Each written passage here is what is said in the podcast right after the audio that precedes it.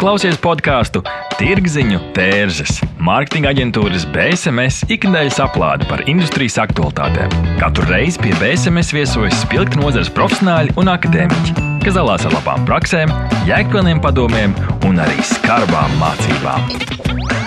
Aiziet! Šodien Tirziņu tērzes studijā Inta Buša un Denis Ševeļovs.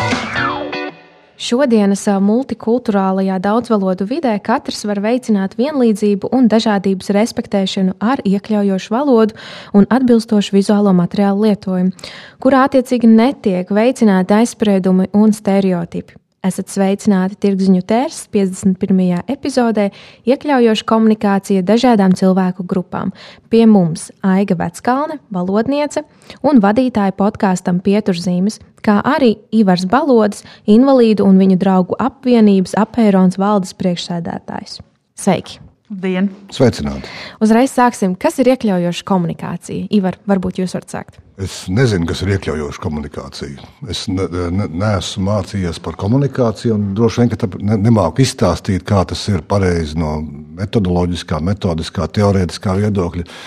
Bet es zinu to, ka nu, tas, tie divi vārdi, kas, kas, kas veido šo terminu, droši vien ir par to, ka mēs nododam informāciju tādā veidā, kā cilvēki to saprot, un tām mērķu grupām, kurām mēs to informāciju mērķējam. Un, ja cilvēki saprot to, ko mēs sakām, nu, tad tā droši vien ir šī iekļaujošā komunikācija. Aiga? Nu, no teorētiskā aspekta, kā atzīst vairāki avoti, tā ir komunikācija, kas nediskriminē, kas, kā Ivars teica, iekļauj visus. Uh, visas grupas un kur izvairās no stereotipiem un aizspriedumiem. Un tās visbiežāk diskriminētās grupas valodā ir septiņas. Šīs grupas tātad ir saistītas, ir saistītas ar vecumu, otrām kārtām ar invaliditāti un vispār veselības traucējumiem, dažādām diagnozēm, dzimumu, dzimumu identitāti, seksuālo orientāciju, arī laulību un civilajām partnerattiecībām rasi, etnisko piedarību, tautību, un septītā ir reliģija. Un iekļaujošas komunikācijas pamatā ir likt cilvēkam justies labi, pieņemtam, arī gaidītam. Tad iekļaujošās komunikācijas pamatā ir iejūtība un tolerance. Un mēs bieži vien aizmirstam, ka ar valodu ir ļoti viegli izdarīt pretējas lietas. Var gan sagraut kādu, aizvainot, sāpināt, pazemināt, un ar valodu arī var atbalstīt, paust cieņu un cilvēkam liktu justies labi. Un tas neko vispār nemaksā. Mums tā ir viegli, tā ir attieksmes mm. maiņa. Un tāpēc bieži vien arī saka, ka tieši cilvēcības zaudēšana bieži vien sākas ar valodu. Un iekļaujošas komunikācijas pamatā ir šīs cieņas un cilvēcīguma saglabāšana. Noteikti daudzas kļūdas tiek pieļautas neapzināti cilvēki nav informēti, varbūt kā pareizi lietot terminoloģiju, vai vienkārši nav padomājuši par to, kā šie vārdi varētu tikt uh, saņemti otrā pusē. Un, uh, tagad, uh, nesen, kad mēs ierakstām šo podkāstu epizodi, ir raksts LSMM, uh, kur jūs abi arī esat snieguši savus komentārus. Un, uh, raksta virsraksts ir uh, šāds: invalīds, cilvēks ar īpašām vajadzībām vai funkcionāliem traucējumiem. Kā teikt pareizi? Nu, attīstoties sabiedrībai, arī mainās droši vien attieksme pret dažādiem terminiem. Un, uh, pirms vairākiem desmit gadiem mēs lietojām vārdu invalīds. Tas likās kā ārkārtīgi normāli un viss bija kārtībā. Pirmās grupas invaliditāte, otrās grupas invaliditāte, lielā tevijas kara invalīdi, kas, kuri, kuriem bija īpašas priekšrocības, un tas skaitījās gan arī pagodinoši. Un laikam, laikam mainoties, tomēr šis vārds invalīds dēļ savas angliskās saknes, invalid vai, vai izcelsmes angliskās, tomēr arī e, starptautiskajā e, praksē parāda to, ka viņš nav pārāk e, ērts, lietojams un bieži vien norāda uz to, ka cilvēks ir kaut kam nederīgs. Un, un, un tāpēc arī starptautiskie dokumenti vairāk izmanto šo cilvēcības faktoru un liek priekšā vārdu cilvēks. Tad ir invaliditāte, vai funkcionālie traucējumi, vai kādas citas, kā teikt, iespējams pazīmes. Bet pārsvarā ir šīs divas, kad ir, ir šie cilvēks ar invaliditāti, cilvēks ar, ar funkcionāliem traucējumiem. Ikdienā mēs, ikdienā mēs, protams, izmantojam cilvēku ar kustību traucējumiem, eh, cilvēku ar redzes traucējumiem, tā, vār, tā vietā, lai eh, teiktu neredzīgs vai, vai, vai eh, Kādreiz Latvijas likumdošanā bija vārds arī kroplis, piemēram, un, tas tika izņemts ārā, jo nebija atbilstoši laikam. Un mēs attīstāmies, protams, un šī tā cilvēka, cilvēka tiesību ēra, kad mēs vairāk skatāmies uz šīm cilvēktiesībām, uzsverot šo cilvēcību, šo, šo katra cilvēka tiesības uz kaut ko, un tāpēc arī šis vārds cilvēks ir pirmajā vietā ielikts. Bet, nu, protams, ka mainās attieksme, mainās, eh, mainās, eh, mainās sabiedrība, bet, bet eh, joprojām sabiedrībā ļoti daudz tādas nesaprotami termini, kurus mēs nezinām, kā lietot. Nu, kā tad īsti to bērniņu ar invaliditāti saukt? Īpašais bērniņš, bērniņš ar speciālām vajadzībām, bērniņš ar īpašām vajadzībām. Mūžīgais bērniņš. Mums ir ļoti daudz dažādu terminu, kurus mēs ikdienā uh, lietojam, un bieži vien neizprotam, kāpēc mēs to lietojam. Un, un tad radās tāds sajukums, ka mēs nezinām, par ko runājam arī likumdošanas līmenī. Nu, piemēram, eh, bērni ar speciālām vajadzībām tas nav tikai bērni ar invaliditāti, tas ir daudz plašāks jēdziens, noteikti likumdošanā. Bet likumdošanā neizmanto nu, attiecībā uz bērniem ar invaliditāti tieši tos speciālās vajadzības kā tādas. Un arī masu mēdījos ļoti daudz lieto speciālās īpašās vajadzības. Es nezinu, tādas speciālās īpašās vajadzības Man ir no rīta iedzert kafiju, tā ir mana speciālā vajadzība. Man kolēģis, kurš ilgāk paguļ, viņam tāda īpaša vajadzība ir. Bet uh, tos veselības traucējumus vai kādas citas kā teikt, lietas, ar ko mēs gribam norādīt, droši vien neizsaka šīm vajadzībām. Vajadzības jau pat patiesībā sakot, visiem ir vienādas. Aiga, kā tev, tavuprāt, no kurienes tās vārds īpašas vajadzības eh, veidojas? No tām īpašajām vajadzībām droši vien. Es domāju, arī lielā mērā tas ir savu veidu tāds efēmisms, kad mēs negribam saukt lietas īstajos vārdos, mēs tam izdomājam nu, tādu šķietami maigāku apzīmējumu. Bet, bet tieši kā Ivars saka, šīs īpašās vajadzības neko nepasaka. Un katram mums ir savas speciālās vai īpašās vajadzības. Un otram kārtām, es domāju, arī tas radies laikā, kad uh, varbūt šie jautājumi vēl nebija tik aktuāli. Uh, Un arī radās laikā, kad varbūt kāds tiešām gribēja izvairīties no, no konkrēta vārda. Kāds ir vēl, kāpēc šo vārdu nevajadzētu izmantot? Mēs sapratām, nu, ka tāpēc mums visiem ir īpašās vajadzības, bet otrs iemesls ir tas, ka Ivars jau to brīnišķīgi minēja. Invaliditāte vai veselības traucējumi nav, nav viendabīgi. Tie ir ļoti dažādi. Un nav tā, ka visi cilvēki ar invaliditāti ir mērāmi pēc, viena, pēc vienas mērauklas. Viņi ir ļoti dažādi, un tāpēc galvenais vienmēr ir cilvēks. Un tad, ja mums ir svarīgi, un es gribētu uzsvērt, ja mums tajā kontekstā to ir svarīgi pieminēt, tad mēs pieminam šo tātad attiecīgi cilvēku ar, ar ko. Bet bieži vien masu mēdījos tā ir absolūti nesvarīga informācija, kas tiek izcelta nu, nezinu, klikšķu dēļ vai lasāmības dēļ un tā tālāk. Tāpēc šīs dēvē visas šīs nosauktās pazīmes, jo īpaši invaliditātes pazīmes tās dēvē par nebūtiskām pazīmēm. Tās ir svarīgas tikai konkrētās situācijās, pie ārsta, rehabilitācijā, varbūt meklējot darbu, kur ir nepieciešamas noteiktas prasmes vai spējas. Bet ikdienā ļoti bieži mēs pārāk aizraujamies ar tām, uzsverot to, kas nav, nav tik svarīgs. Tās nav tāda īpaša vajadzība, at, ko mēs varētu attiecināt uz kādu īpašu cilvēku grupu. Un vēl mm, tas arī, ko manī rosināja, tas, ko Ivars teica par to domāt, ka mēs bieži vien cilvēks ar invaliditāti neapzināti nu, noliekam tādā kā upuru lomā. Arī mūsu valodā tas parādās piekalts ratiņkrēslā, kurš ir, kuram nepieciešams palikt iesprostots mājās un tā tālāk. Un iespējams, ka tur arī rodas šādi šādi termini, no kuriem, nevajag, no kuriem vajadzētu izvairīties, ja mēs piešķiram tādu upuru lomu, lai gan mēs jau nezinām, kā cilvēks jūtas, vai viņš jūtas piekalts ratiņkrēslam. Iespējams, tā, nu, tā ir viņa dzīve. Tā, tā, visticamāk, tā ir viņa dzīve, tā, viņ, tā viņš dzīvo, un viņš to tā neizjūt kā piekaltumu. Ja? Tā kā izvairīties arī no tās upurizācijas. Mm -hmm.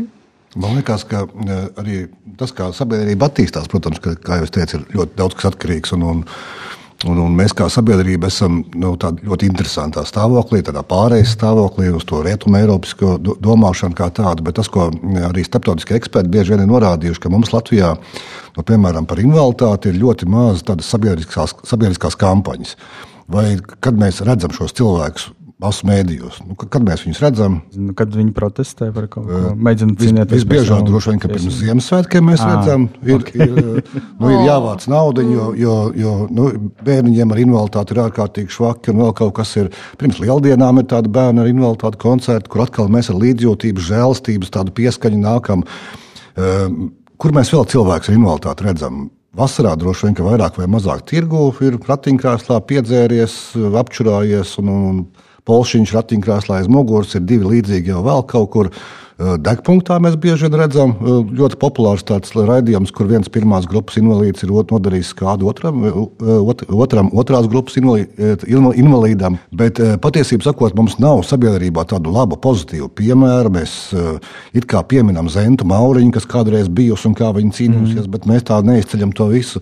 Un tad mums tādā sabiedrības apziņā nosēžās, ka tas cilvēks ar invaliditāti ir tāds žēlojams, viņš ir invalīds, viņš, ir cilvēks, viņš ar īpašām vajadzībām, viņam ir tās īpašās vajadzības, viņam vajag ziedot, viņam vēl kaut ko vajag. Un tad tā, tā sabiedrības apziņa tā arī veidojās. Un tad tā, no tā izējot arī veidojās šī terminoloģija, kuru mēs lietojam, tās īpašās vajadzības, redz, kā viņiem ir un tā kaut kā. Un ik pa laikam aizmirstam to cieņpilnu attieksmi. Un to cieņpilnu attieksmi nu, rada gan šī vidas pieejamība, dod pieci, hashtag dod pieci. Man liekas, ka šogad ļoti daudz runā nevis par to, ka vajag ziedot, lai, ka tāpēc, ka viņš ir nabadzīgs, bet tāpēc, ka tā vide mums ir nepieejama. Un, un, un tas ir milzīgs čērslis, lai tu izkļūtu ārā un būtu, nezinu, draugs draugs, eh, lasītājs, pircējs, eh, darbinieks vai, vai bērngārznieks, skolnieks un vēl kaut kas. Un, un tad, tas viss rada to vienlīdzīgu attieksmi. Un, un tad, kad mums būs šī, eh, šīs iespējas cilvēkiem ar invaliditāti tādas pašas kā mums ikvienam pārējiem, tad es domāju, ka mainīsies arī tā attieksme mainīsies tās kampaņas, tās sociālās sabiedriskās kampaņas kā tādas kur cilvēki būs uh, līdzvērtīgā veidā. Un, un, un pasaules praksa ļoti labi to parāda. Piemēram, nu, Gucci bija pirmais modes nams, kurš izmantoja savos modeļos cilvēkus ar Dauna sindromu. Super, iedomājieties, kas tas par milzīgu liecienu bija tādā cilvēktiesību attīstībā, ka tagad Dauna sindromu kaut kur tur reklamēs. Tas taču ir briesmīgi, šausmīgi. Vai to vispār var darīt kaut kādā veidā? H&M savā reklāmās liek iekšā cilvēks ar, ar invaliditāti. Toyota parāda to, ka arī automašīnas var būt pieejamas cilvēkiem ar invaliditāti. Un pamazām, pamazām nu, arī līdz mums aiziet tas, ka arī cilvēki ar invaliditāti var būt darbinieki, strādnieki, viņi var iet skolās. Viņi var būt arī politiķi, varbūt tās skolotāji, viņi var būt, viņi var būt jebkas. Ja, ir nodrošināta šīs vienlīdzīgās iespējas. Ja mēs nerunājam par tiem kā mazajiem nabadzīgiem, kuriem vajadzētu kaut kādā veidā palīdzēt, atbalstīt un vēl kaut ko. Un vēl viena ļoti interesanta lieta, es domāju, ka nu, sa saistībā ar šo šodienas tēmu ir tas, ka nu, tā starptautiskā praksa, piemēram, parāda to, ka nepieejama vide uzņēmējiem samazina uh, uh, ieņēmumus par 15%. Ja tev ir viens pakāpiens pie durvīm, nezinu, tā ir kafejnīca, veikals vai viesunāms, tev nu, neatnāk zināms, zināms skaits cilvēku ar invaliditāti vai ar kādiem kustību traucējumiem vai kustību uh, grūtībām kā tādām, jo arī uh, parasti tiek uzskatīts, ka arī veci cilvēki ir ar kustību grūti, apgrūtinājumu. Sievietes, kad gaida bērniņu, ir ar kustību apgrūtinājumu, ir grūti kāpt pa trepēm vēl kaut kur. Un katrs pakāpiens samazina šo ieņēmumu procentu. Un, ja līdz mūsu uzņēmējiem šī lieta aizies un sapratīs, ka, nu, ja, ja, ja, ja tu taisi kafejnīcu un, piemēram, nu, piemēram atkal dzīves, mums, piemēram, birojas ir centrā, Un mums apkārt ir kaut kādas 20 kafejnīcas. Nu, pirms Covid laikā un Covid laikā, kad var iet uz kafejnīcām. Mēs esam birojā kā 13 cilvēki, kur regulāri iet pusdienās, un kādu kafejnīcu mēs izvēlamies. Tādu, kas ir nepieejama, un tādas ir 19, vai vienu, kur ir pieejama. Un uz to vienu pieejamo eh, nu, 11 cilvēki iet vairāk. Mm. Tas ir ļoti uzskatāms uh, piemērs, kādā veidā tomēr tam uzņēmējam ir interesanti būt pieejamam eh, un, un, un līdz ar to nodrošināt lielāku eh, klientu skaitu sev. Un tas man liekas, ka ārkārtīgi svarīgi saprast. Ir. Mēs sākām runāt par šiem piemēriem starptautiskiem uzņēmumiem, kas iekļauj un domā, kā tiešām veidot šādu iekļaujošu komunikāciju, bet tas jautājums jums ir noteikti par to, kas notiek Latvijā, kāda ir mediju komunikācija šeit. Un tajā LSMM rakstā arī bija pāris nepārāk veiksmīgi piemēri, kā komunicēt. Un, uh, mēs saprotam, ka, protams, ir arī saturam jābūt atbilstošam, uh, lai viņi varētu uztvert dažādas uh, cilvēku grupas, to starp cilvēki ar invaliditāti vai dažādiem traucējumiem. Un, uh, jā, kā pieņemsim, viens no piemēriem ir titri zem video vai zīmju valodas tulks. Uh, noteikti ir arī vēl citi. Ko jūs varētu pakomentēt, kādi būtu jūsu ieteikumi medijiem? Pirmkārt, mēs visu laiku esam ieteikuši valdībai, piemēram, izmantot zīmju valodas tulkus, jo cilvēki, kas uh, izmanto zīmju valodu, viņiem dzimtā valoda nav ne latviešu, ne krievu valoda, viņiem ir zīmju valoda, dzimtā valoda. Un, starp citu, uh, zīmju valodā abece ir joprojām burtam eļļa, paskaidrojams ir Leņķins. Nu, Ļoti. Uh, Opā. Jā, nu vienkārši tas ir atkal, cik maz esam pievērsuši tādām savādākiem eh, komunikāciju veidiem. Mums liekas, mm -hmm. ka valoda un bilde viss ir kārtībā. Bet, ja mēs runājam par invaliditāti, vai tu redzi, vai tu dzirdi, Un ļoti daudz informācijas cilvēkiem arī Covid laikā paskrien garām, jo vienkārši zīmju valodas tulki vai surdo tulki netiek izmantoti valdības komunikācijā ar sabiedrību. Ja mēs pat Eirovīzijā tur ir. Nu, mēs esam priecājušies, cik attraktīvi tie zīmju valodas tulki un tulko. Un droši vien katram kaut kur atmiņā palīdz tad atkal pie nopietnām, pie nopietnas informācijas, kur tev jāpaskaidro, kāda būs mājasēdes noteikumi, vai nebūs mājasēde, vai kāda būs kaut kāda informācija papildus. Tad zīmju valodas tulki vispār netiek izmantoti. Cilvēki savukārt, kuriem ir redzes problēmas, atkal viņi neredz, viņiem vairāk vajag tādu informatīvo materiālu. Un šeit atkal tai, nu, vismaz tādā valdības līmenī jābūt arī tai sapratnē par to, kādā veidā un cik daudz informāciju pasniegt. Un otra lieta, man liekas, ka ir ārkārtīgi svarīgi saprast to, ka ka tā latviešu valoda arī iedalās dažādos līmeņos. Nu, piemēram, ja, eh, ja politiķi savstarpēji runā vai, vai, vai ierēģi savstarpēji runā, un tad ir runā par kā uz Fuktuku jāizsūta ANM plāns, kurā mums kohēzijas ietvarā jāparāda kaut kas. Tad eh, man liekas, ka nu, jūs neko nesaprotat, ko mm. es saku. Un, un, un parasti tā arī ir, ka nu, cilvēki nesaprot to, to profesionālo politiķu vai, vai, eh, vai, vai eh, ierēģiņu valodu. Un, un te nu, ir jāmāk paskaidrot vienkāršā veidā, kas tagad notiek, eh, kas mums draud vai nedraud, vai tie draudi vispār kaut kādi, vai tā atkal kaut kāda normāla lieta, kas mums ir jāievēro. Un, un to mēs nemākam. Mēs nemākam vienkārši runāt.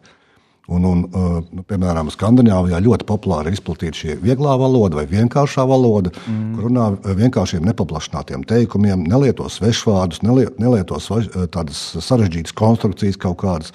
Nu, tā lai uh, ik viens cilvēks, arī cilvēki, kuriem dzimtā valoda nav latviešu valoda, viņš šādā veidā labāk uztver informāciju. Un bērni, jaunieši mm. uztver labāk informāciju, un tas ir ārkārtīgi svarīgi. Bet cik ir sarežģīti runāt vienkārši, tas ir ļoti grūti. Aiga, kā tu komunicētu iekļaujošu komunikāciju Latvijā? Nu, Komun, tā, komentēt. Tā, tas noteikti ir, ir atkarīgs no, no auditorijām. Man, man ļoti patīk, ka Ivars jau minēja šo vieglo valodu, kas no vienkāršās valodas atšķiras ar to, ka vienkāršajā valodā mēs cenšamies izpausties maksimāli nesarežģītiem teikumiem, bet mēs nedzēšam ārā, mēs ne, nemainām, nemainām jēgu. Savukārt, vieglā valoda ir tieši paredzēta cilvēkiem ar redzes traucējumiem, ar intelektuālās attīstības traucējumiem, cilvēkiem, kuri ir gados vecāki. Um, Ivars jau pieminēja arī ārzemniekiem, kuri apgūst valodu, arī bērniem. Un vieglās valodas principi ir tādi, ka tā ir vizuāli pamanāmāka valoda, pamanāmāks teksts, tur būs lielāks burtu lielums, parasti minimālais ir 14 un uz augšu. Tur arī ir speciāli izvēlēti fonti, tādi, lai, mm, lai tie netra, neapgrūtinātu uztveri.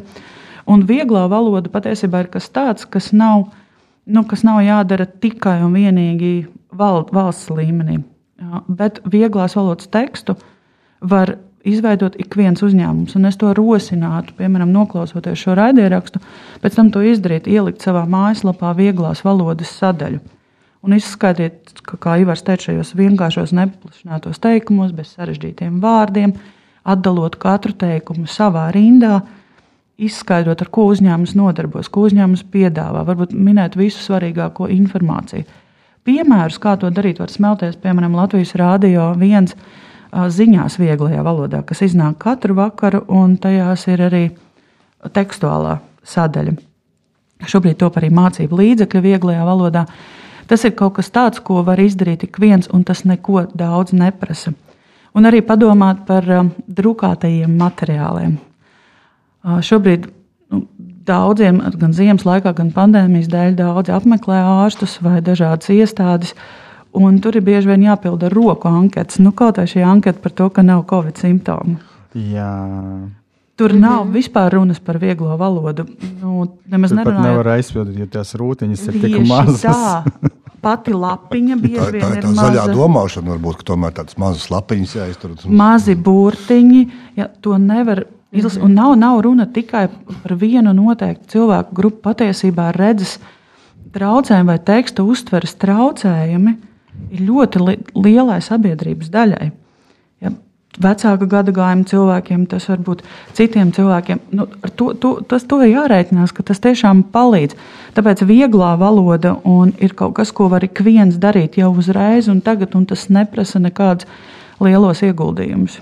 Mm -hmm. Jā, turpinot šo tēmu par uh, vieglo valodu, mēs uh, ar Norstat palīdzību jautājām Latvijas iedzīvotājiem, ar uh, kādām situācijām viņi ir sastapušies pēdējā gada laikā.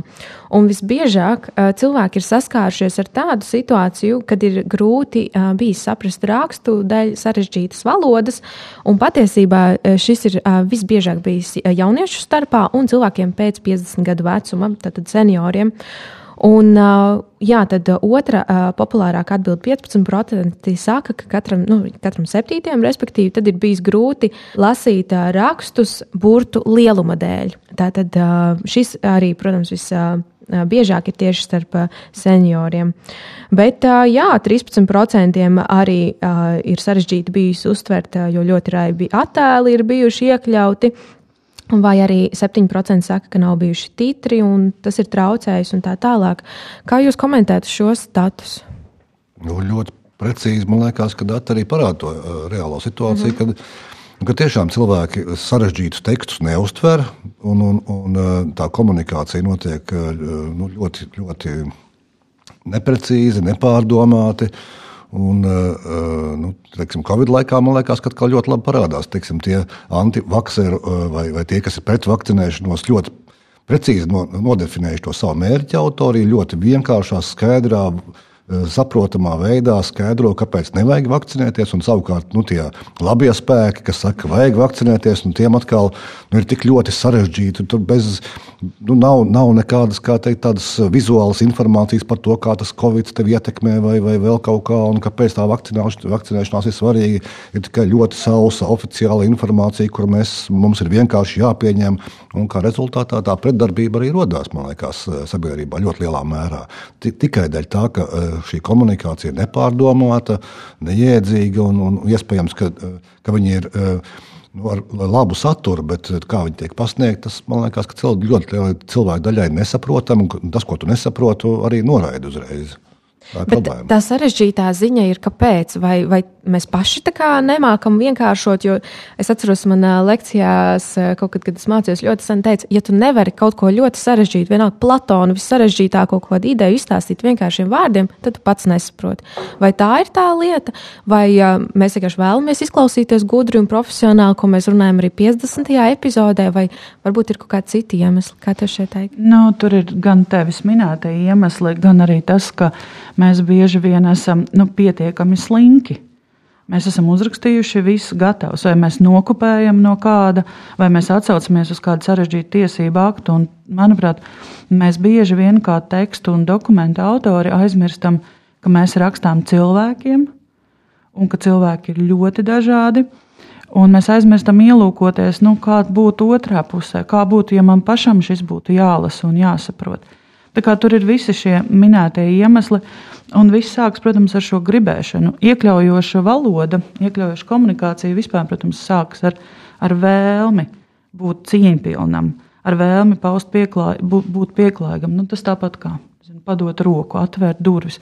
Pat ļaut cilvēkam apsēsties sabiedriskā transportā. Tas neko nemaksā, tas neko neprasa, bet ir jābūt šai vēlmei.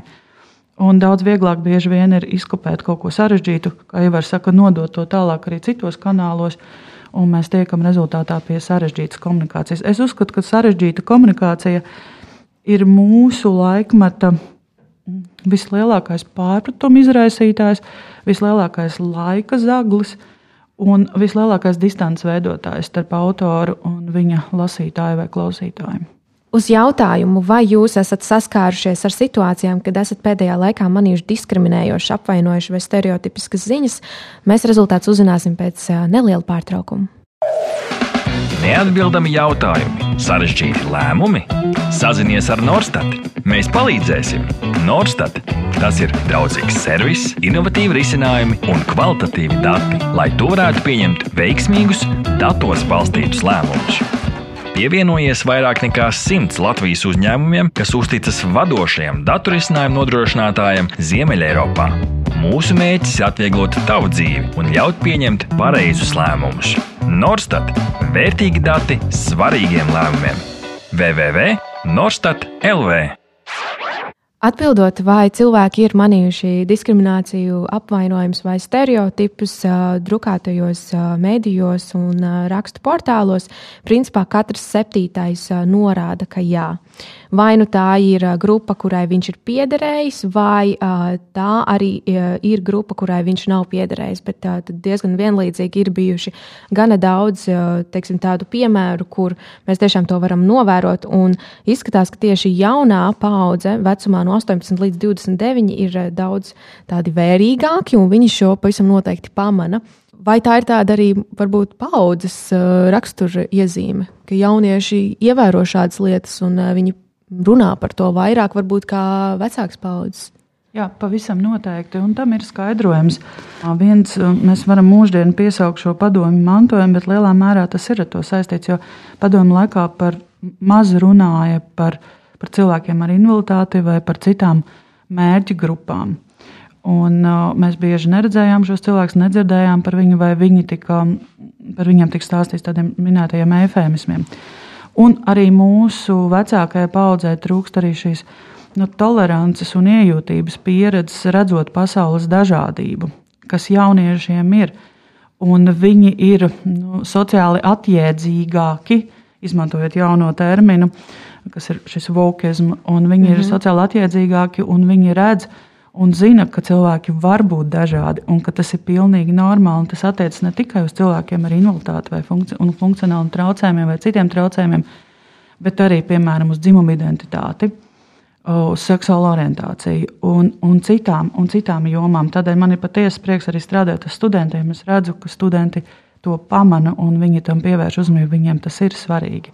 Ivar, vai jūs līdzīgi tendenci novērojuši, ka jauniešu starpā šie jautājumi tiek aktualizēti vairāk? Nu, varbūt, ka jaunieši arī uztver drusku precīzāk un varbūt nedaudz sāsinātāk kaut kādas lietas, un, un atkal tā vecā paudze jau ir pieradusi pie tik daudz kā viskaut kā, kad kā man vecmāmiņa teica, ka sauc man kā gribi, tikai sauc kaut vai par podiņu, tikai iekšā neķēzi. Bet, eh, nu jā, bet eh, nu, varbūt ir pieraduši pie kaut kā un, un saprot to, ka nu, labi nosauc un, un, un aizmirsām. Un, un, un, un, un, Man tas varbūt ka liekas, ka nav svarīgi, varbūt uz to es, to es uz sevi neatiecinu.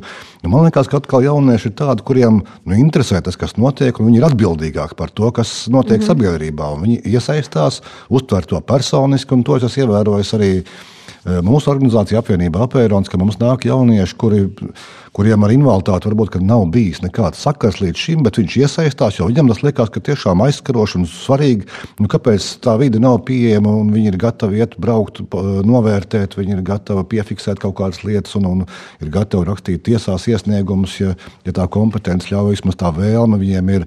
Un tas man liekas, ka beigas labā iezīme ir, ka mēs tomēr arī nu, kā sabiedrība, kā vienkārši cilvēki mēģinām saprast to, kas notiek, un arī iesaistamies par to, esam atbildīgi par to, kas notiek sabiedrībā. Tā man liekas, ka ļoti laba tendence. Tieši tā.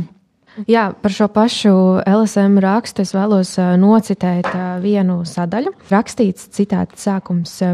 Par to runā daudz, taču aizvien ir cilvēki, kas nesaprot, kādēļ nevar izteikties tādā formā, kā viņi vēlas. Kā piemēru Dita Liepa minēja vārdu nēģeris, kas Amerikā ir uzskatāms par aizskarošu. Ļoti daudzi īpaši padomju laika latvieši vaicā, kāpēc es nevaru teikt nēģeris, ja viņš visu mūžu tā, viņš ir bijis nēģeris.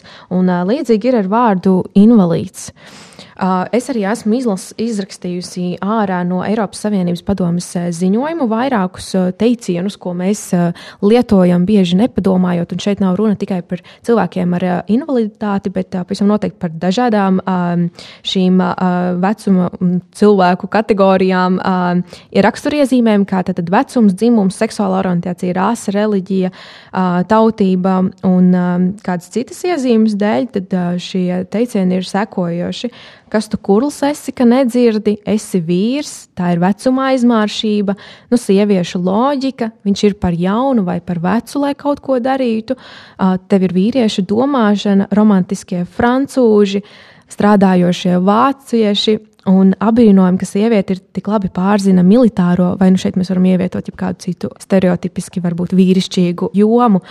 Kāpēc šādi teicieni joprojām ir mūsu valodā ikdienā?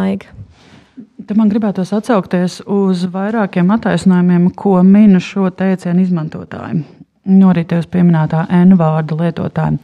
Svarīgākais attaisnojums, un šķiet, viņuprāt, pamatots, ir tas, nu, ka vēsturiski tā jau vienmēr ir bijis. Mēs vēsturiski esam teikuši N vārdu, mēs vēsturiski esam teikuši vārdu žīts, mēs vēsturiski esam teikuši vārdu invalīds un tā tālāk. Bet tas, ka mēs kaut ko esam darījuši vēsturiski, nenozīmē, ka mums tas ir jādara. Ivers jau minēja sabiedrība mainās, mainās attieksme. Mēs kļūstam iekļaujošāki gan izglītības, gan sabiedrības un arī valodas jomā. Un, ja, un te ir galvenais arguments, kāpēc nevajadzētu to lietot. Ja mērķa grupa, proti, cilvēki, kuri pārstāv šo grupu, vēlas, lai viņus tā nesauc, pat ja tas ir viens, divi vai trīs cilvēki, nav pamata viņus saukt. Cilvēki tā vēlas, kāpēc mums tas vispār neko nemaksā. Ja pasaules Romu kopiena vēlas, lai viņus sauc par romiem, nevis čigāniem. Mm -hmm. Kāpēc neieklausīties, kāpēc to nedarīt? Ja cilvēki ar invaliditāti saka, ka vārds invalīds pirmām kārtām neparāda cilvēku, cilvēks paliek otrajā vietā, otrām kārtām tas tam ir šī angļu valodas nozīme nedrīkst. Kāpēc neieklausīties, kāpēc to nedarīt? Vēl viens iemesls, arī, ko bieži vien cilvēki min, ir Nu, tas taču nav tik svarīgi. Tas ir sniegpārsliņa laikmets. Kāpēc par šīm lietām vispār jārunā? Un tā ir tipiska tāda eiblisma pazīme. Un eiblisms ir tad, kad mēs sevi uzskat, uzskatām par normālākiem vai labākiem salīdzinājumā ar kaut ko. Un tad mēs sakām, nu, nu, par to jau vispār nav jārunā, vai tā ir problēma. Un trešais arguments, ko bieži vien lieto šo teicienu izmantotāji, ir, Nu, tās jau ir tādas nevēlamas ietekmes no angļu valodas. Ko tad mēs visam skriesim līdzi, ko angļu valodā dara? Mums taču latviešu valodā izsenis ir bijis tā un, un tā tālāk. Tāpēc ir ļoti svarīgi runāt par to, ka dzīve mainās, ka sabiedrība mainās. Un ja kādam šīs minētās frāzes ir pazemojošas un sāpīgas, ja kādam tās ir diskriminējošas, tad no tām vajadzētu atturēties. Un tevis minētie piemēri ir tikai daži. Uh mhm. -huh. Šo piemēru ikdienā ir ļoti daudz, iespējams, mēs vēlāk arī parunāsim par piemēriem.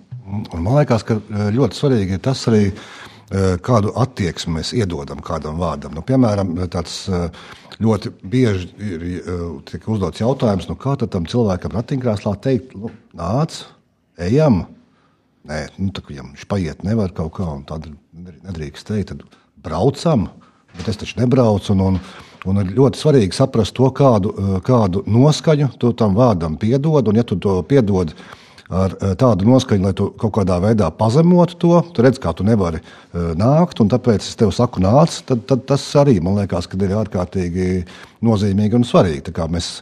Kā, kā mēs eh, piedodam tās, tās nokrāsas katram vārdam, katram teicienam, katram, katrai parunai, varbūt tās tam arī nā, seko līdzi kaut kādas attieksmes un kaut kādas tādas lietas. Un man liekas, ka tas, ko tu prasīji par tiem stereotipiem, nu nevienmēr stereotipi ir, ir slikti. Daudz sliktāk ir tie aizspriedumi, kas, kas manī nosēžās. Man liekas, ka tiešām nu, tie, tie tās sievietes tiešām neko nemāk. Bet ja man ir tāds stereotips, kur, kurš var būt mainīgs, kurš nu, nav pastāvīgi, pastāvīgi mana kaut kāda dogma, ko, kas manī sēž tad, tad, tad tas nu, arī attīsta to cilvēku, attīsta sabiedrību, varbūt tās. Un, un, un, un, un diskutējot, eh, parādot, eh, informējot, tad arī tie stereotipi mainās. Nu, piemēram, par cilvēkiem ratiņkrēslā man liekas, ka patreiz nu, nav tik ļoti daudz sabiedrībā stereotipu, un mēs uz ielām vairāk neatskatāmies, jo liekas, ka tas jau ir normāli. Cilvēks ratiņkrēslā. Nu, Skaidrs, ka es viņu nevaru vilkt grūst, nestumt kaut kur, es viņam pieeju klāt, uzprast normālu komunikāciju uz ielas veidojās. Bet par tiem cilvēkiem ar intelektuālās attīstības traucējumiem, kas tie tādi ir? Es par tiem vispār neko nezinu. Kas viņam galvā sēž, ko viņš vispār domā. Pavisam nesen mums bija viena interesanta saruna ar augstu stāvošu amatpersonu, kur teica, nu, bet iedomājieties, tagad, nu, tas bērns ar intelektuālās attīstības traucējumiem, viņš tā ties ar manu bērnu vienā skolā. Kas viņam ienāks prātā? Viņš paņems ar penālu, viņam sāks pa galvu sist. Un, ta, un tie jau tie, tie ir tie aizspriedumi, kas cilvēkos ir nosēdušies, kas liekas, ka nu, jā, nu šitie visi tie nekur nevar un neko mēs par viņiem nevaram darīt. Bet kāpēc tie viņi veidojās? Tāpēc, ka mums informācija pietrūkst, tāpēc, ka mēs nezinām par to neko daudz. Un tā man liekas, ka tā, tā lieta, ko mēs runājam, kad ir nav tās sociālās sabiedriskās kampaņas, kur mēs neizskaidrojam, neizstāstām, mums trūkst labo piemēru. Jā, mēs zinām, ka ir RB kafē, nu, lai viņi tur strādā, viņiem ir baigi forši, aiziešu nopirkšu pīrādziņu, man būs sirdsapziņa, kā ar matīrīt, viss kārtībā. Bet nu, jā, mēs, tā informācija mums ārkārtīgi minimāla par to, kas, tādi, vispār, kas tā ir par tādu sociālo grupu, ko viņi ēd, ko viņi dara, kā viņi vispār domā, kas viņiem kā teikt galvā, galvā notiekās. Un tā man liekas, ka ir viena nelēma. Tā, tā noskaņa, ko mēs papildus, ko arī kolēģi teica, noskaņa, kādu mēs tam vienam vārdam piedodam, ja mēs varam teikt, nu, invalīdu tiesības. Nu, skan normāli, ne? Nu, liekas, ka normāls vārdu salikums. Bet, ja ir invalīdiņš un vēl kaut ko, tad mēs uzreiz pie, mm -hmm. piedodam noskaņu, kas uzreiz pazemina tevi, tev liek slikti justies. Mm. Un tas ir tas, ko mēs kā cilvēki darām, kā sabiedrība, atsevišķi locekļi.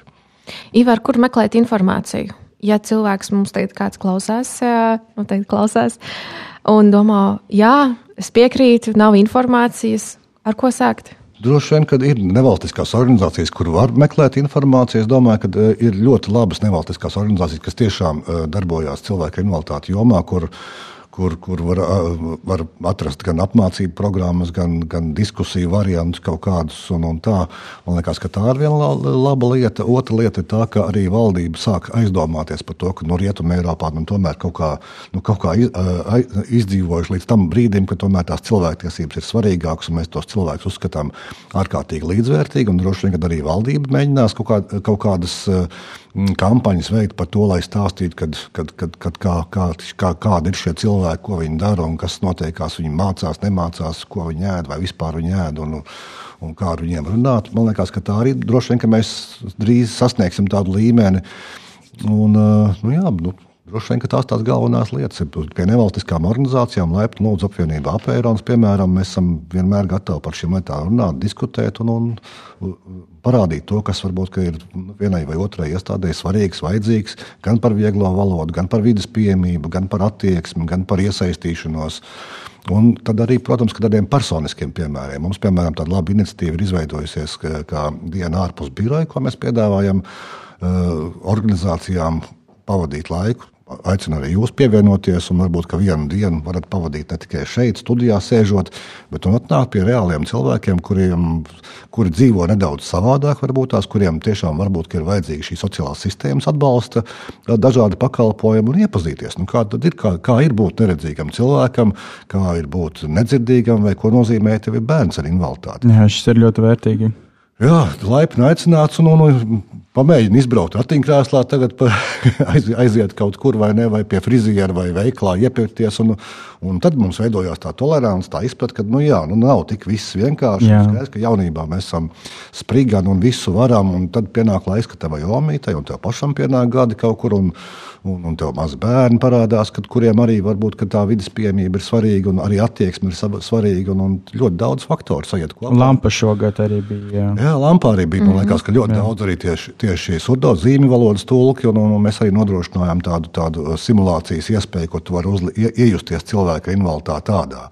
Un man, piemēram, ļoti patika Izrēlā, bija ļoti tāds, uh, labs projekts viņiem, un pēc projekta beigām uh, uh, divas trešdaļas Izraēlas iedzīvotāji, piemēram, zināja zīmju valodu. Es nezinu, kāda jums ir stereotipa vai aizsprieduma par zīmju valodu, vai liekas tāda fanīga lieta, vai vēl kaut kas. Bet viņiem tas mērķis bija tiešām uztaisīt to par tādu garšīgu, kaut ko par tādu mm. seksīgu lietu. Ka tā ir nevis kaut kas, kas invalīdam piemīt, nu, tāds invalīdu lietas kaut kādas, bet to var izmantot ārkārtīgi daudz. Un, ja tu, ja tu zini zīmju valodu, es daktilēju savu vārdu, vai pateikt labdien, elementāras frāzes, kaut kādā veidā iedrošinot šo, šo, cilvēku, kuram tas ir ļoti svarīgi tu jau sevi bagātini. Man liekas, ka eh, tas, ko arī Izrēlā viņi panāca, to, ka eh, ļoti daudzas kafejnīcas, kurās runāja par un ap zīmju vai zīmju valodā, tad viņiem, piemēram, uzsauc kafiju. Tas neko daudz nemaksāja, bet, eh, bet tā bija tāda, baigā, tāda, tāda atvērt, atvērtība no, no uzņēmējiem, un tas man liekas, ka bija baigi forši. Un arī, un tas tuvināja tos, to, to sabiedrību, un, un, un mazāk tā, tā šķelšanās notiek, bet tāda sapratne lielāka par to, ka tas ir normāli, forši un, un, un tā. Tā kā nu, ļoti daudz dažādu piemēru, bet jā, ja ir teikt, dienu ārpus biroja vēlties, tad droši zvaniet, un es labprāt nodrošinātu šādu iespēju, kad pavadīt interesanti. Nevis tā, ka tev jāiet, jāpalīdz kaut kas, un nu, tur higiēnas lietas kaut kādas tur smagas jādara, bet vienkārši iepazīties un, un pabūt kopā ar kaut ko un iegūt citu pieredzi, kas man liekas, ka svarīgi ir. Jā, laikam jau tā, tā viena problēma, kas šeit arī tika ieskicēta, ir, ka tas liekas kaut kas ļoti tāls. Kaut kas, kaut kas kaut kāds pilnīgi, jā, cits burbulis, un, un tieši tā. Nu jā, bet no, no invaliditātes nav potes kā tādas, diemžēl. Mēs nevaram iepotēties, un tad tev ar to invaliditāti nekad nesaskarsies. Un, un, protams, ka senioriem ir ļoti liels risks, ka tev ir šīs nu, lietas, kas tev ir vajadzīgas papildus kaut kam, piemēram, ļoti grūts vecam cilvēkam ir pa kāpnēm staigāt, mm. celīšu sāpes, un, un tad mēs kā teikt, uztaisām pie tirgus tādus, tādus tuneļus, pa kuriem cilvēki jā, cilvēkiem jāiet. Un tās, tās tantes un onkuļi iet nevis pa tuneļiem, bet skrien pāri ielai. Ļoti smieklīgi ar saviem kaut kādiem ķeblīšiem vēl papildus, bet to viņi dara tikai tāpēc, ne tikai lai, nevis tāpēc, lai apkārtējiem būtu smieklīgi, kā viņi to dara, bet tāpēc, ka viņiem ir ļoti grūti pa trepēm pāriet. Yeah. Un, un, un mēs, to, mēs kā arhitekti, kā pilsētu plānotāji, mēs bieži vien par to neaizdomājamies.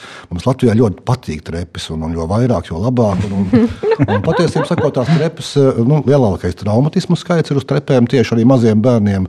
Un, un tās pieejamības, pieejamas vidas lietotāji, tie ir ne tikai uh, cilvēki ar invaliditāti vai veci ļaudis, bet tie ir uh, jauni cilvēki ar maziem bērniem, tie ir, ir turisti, tie ir uh, cilvēki ar invaliditāti, kur kopumā ir apmēram 85% sabiedrības. Kā, nu, tas attiecās uz ļoti lielu cilvēku skaitu. Jā, tā nav mēs dzīvojam ar vien ilgāk, un tā varbūtība, ka mēs varēsim dabūt kaut kādu traucējumu pieaug ar katru gadu. Pastaigā pa ielām, drusku, un tev varētu ļoti mierīgi var salauzt kāju, roku, un tas ļoti elementāri izdarās patreiz, vai ne? Un, un, un tad to, ar to ļoti cieši saskaries. Bet tās tās pārējošās grūtības. Ak, būs labi mēnesis ar ģipsi pastaigāšu, ar kruķiem vēl kaut kā aizmirsīšu un viss. Bet eh, nu, ir cilvēki, kuriem tas ir svarīgi arī visu pārējo dzīvi. Mm -hmm. jo, tieši tā, man ir konkrēts piemērs no manas mājas, kur jau kādu laiku nestrādā lifts.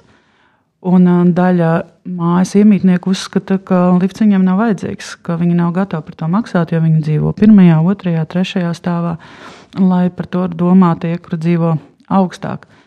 Un man kaimiņos ceturtajā stāvā dzīvo dāma gados kurai ir vairāk nekā 80 gadu, un viņai ir ļoti svarīgi iziet ārā. Un es arī iedomājos par to, ka tas varētu būt jebkuram vajadzīgs, kā Ivar saka, var piedzimt bērns arī piektajā stāvā, arī trešajā stāvā lifts noderētu. Un uh, slimība, ja, piemēram, man pagājušajā gadā nebūtu bijis pieejams lifts, es droši vien savā ārstēšanas laikā vispār nebūtu izgājis ārā. Tāpēc tieši šķietami tādi sīkumi, man, maz man jau tas neiet, neatiec. Vides pieejamība man neskat, man taču ir divas kājas. Es esmu veikls gājējs. Bet patiesībā tas var skart un skar ikvienu no mums. Un te drīzāk attieksmes jautājums, un te drīzāk domas par to, lai ilgtermiņā veidotu pieejamu vidi un iekļaujošu sabiedrību, nevis tikai domājot par sevi. Jo es domāju, lielā mērā tas, ko tu intervijā jautāji, kāpēc tā notiek, tāpēc, ka mēs bieži vien esam tikai un vienīgi fokusēti uz sevi, un mums trūkst iejūtības un trūksta ieskata, kā varētu justies un domāt, kāds cits kāds varētu būt viņam nepieciešamās to brīdi lietas. Jā, tieši tā transformācija, kas notiek tagad ar valodu, varētu vairot to um, iejutību un dažādību. Valodu un paudzēm arī. Jā. Jā. Un, uh, ko es vēl noteikti vēlos piebilst uh, mūsu klausītājiem, kas uh, arī ir mārketinga un komunikācijas eksperti, ka invaliditāte Latvijā ir katram desmitajam uh, iedzīvotājam, un to starp mēram 13 tūkstošiem uh, cilvēku Latvijā ir redzes vai dzirdes traucējumi. Tad, kad mēs domājam arī par mūsu mārketinga un komunikācijas kampaņām vai par veidiem, kā mēs uh, tad, uh, šīs ziņas uh, tālāk virzam, noteikti ir ļoti svarīgi to ņemt vērā. Un arī mēs pēc datiem redzam, ka 26% vispār Latvijas iedzīvotāju ir izmantojuši pēdējā gada laikā iespēju palielināt raksta burtu lielumu, pieņemsim. Vai attiecīgi 8% ir izmantojuši atskaņotu tekstu. Un tas ir par to, ka mēs ņemam vērā to, kas ir vajadzīgs mūsu auditorijai, un tas, ko cilvēki saka, kā viņi uzņem šīs ziņas, un uh, to attiecīgi arī ieviešam. Finišējot un lēnām virzoties, jā, tad šīs epizodes arī noslēgumus vēlos jūsu ieteikumus mārketinga un komunikācijas ekspertiem. Varbūt tie ir arī tādi vēlējumi vai galvenās atziņas, ko jūs noteikti vēlētos, lai tad auditorija, kas mūs klausās, paņem līdzi. Pirmkārt, es ieteiktu izlasīt visus pieejamos informācijas avotus par to, gan šo Eiropas Savienības padomus un parlamenta to sagatavotās vadlīnijas. Un noklausīties lampas sarunas par šo tēmu, tāpat arī izmantot Ivara um, iespēju šo dienu ārpus biroja, jo tikai iejūtoties cilvēku ar invaliditāti ādā, mēs spējam labāk izprast, kas būtu vajadzīgs. Otrām kārtām es aicinātu atcerēties, ka, nu, ka tā nav viendabīga cilvēku grupa. Tu minēji cilvēkus ar redzes traucējumiem, kuru Latvijā ir diezgan daudz, bet vēl vairāk ir cilvēku ar lasīšanas grūtībām ja, kas, kas varbūt nu, nešķiet, nešķiet kā tāds, nu, kas tas ir, bet tas ļoti apgrūtina dzīves kvalitāti mūsdienās, kad viss ir teksts. Un, un trešām kārtām arī ieskatīties mm, cilvēks kā cilvēks veidotajā saturā YouTube, kur arī var noklausīties intervijas ar dažādu mērķu grupu pārstāvjiem. Pirmais, ko es ieteiktu, ir apgūt informāciju par to un uzklausīt mērķa grupas un, un tad rīkoties. Ivar? Nu jā, droši vien, es, gribu, es varu novēlēt tikai to saprast, ka eh, cilvēka invaliditāte ir eh, ne tikai nabadzīga, bet viņi ir maksātspējīgi, viņi ir gatavi pirkt Eh, izmantot kaut ko un, un iegādāties. Man liekas, ka tā ir svarīga lieta. Un, ja mēs par to aizdomāsimies, tad mēs arī sapratīsim, nu, kā uzņēmēji, kā mēs varam no viņiem šo naudu dabūt. Jā. Nu, mums tā kafija ir jāpārdod, un tā maizīte ir jāpārdod, un viesnīca varbūt tās ir jāpārdod. Un, ja viņam tur nebūs ērti, tad viņš ne, ne tikai viņš nāks, bet arī droši vien, ka vēl vesela kaudze cilvēkiem, kas neapmeklē šo iestādi kā tādu. Un otrām kārtām atcerēties to, ka cilvēka invaliditāte ir arī e, ārkārtīgi dažāda. Toms Krūss, viņam ir invaliditāte, viņam ir disleksija, viņš nevar neko vispār izlasīt, viņam burtiņā lēkā Lionels Messi, -hmm, pasaules, mm -hmm. pasaules slavenākais futbolists. Yeah, yeah. Viņiem ir arī pundura sindroms un diezgan daudz dažādas, futbola, dažādas veselības problēmas. Bija pirms viņa eh, futbola, eh, futbola treneris skolā atrada un, un piedāvāja kaut ko darīt, jo neviens īsti nezināja, ko ar viņu darīt. Un tādi daudz, ārkārtīgi daudz piemēru. Zenta Mauriņa tāpat tās, man liekas, ka ir pasaulē ārkārtīgi slavena filozofa, kuru Vācijā visi gandrīz vai zina, kas mācās augstskolās. Mēs pat tik daudz par viņas filozofiskajām lietām, daudz, daudz mazāk Latvijā runājam. Bet ir ārkārtīgi gudri, interesanti, un, un viņi nav nabadzīgi, viņi ir tie, kas dod sabiedrībā kaut ko. Un mūsu droši vien, kad kā, nu, sabiedrības ir nu, tā lieta, ka nodrošināt šīs, šīs iespējas kā tādas. Un, un, un, un tad, tad, ja mēs kopā sadzīvojam, ja mēs esam, ja, ja, ja esam redzami viens otru, tad jau arī tā noteikti tā integrācija un tā bagātināšanās un viss pārējais. Bet jā, nu, uzņēmējiem droši vien atcerēties to, ka cilvēka invaliditāte arī visu kaut ko pērk. Tas man liekas, ka palīdzētu arī nodrošināt šo pieejamo vidi, kas ir viens no pamat, viena no pamatlietām, kas ir jānodrošina, lai mēs vispār runātu par integrāciju neveicināt uh, stereotipus, neveicināt aizspriedumus un veicināt iekļaujošu komunikāciju. Pie mums uh, šodien, 51. epizodē, bija Aiga Veckalne, valodniece, vadītāja podkāstam Pieturzīmes, un Ivars Balodis, invalīdu un viņa draugu apvienības apēronas valdes priekšsēdētājs. Paldies! Paldies! Paldies, ka klausījāties BSMS podkāstu Tirziņu tērzes. Aplādi ar labām praktiskām, jēgpilniem padomiem un skarbām mācībām. Patika epizode? Dalies sociālajos medijos, ir idejas tēmām vai viesiem? Raksti mums! Tās bija tirgziņa tērzes. Tiekamies nākamnedēļ!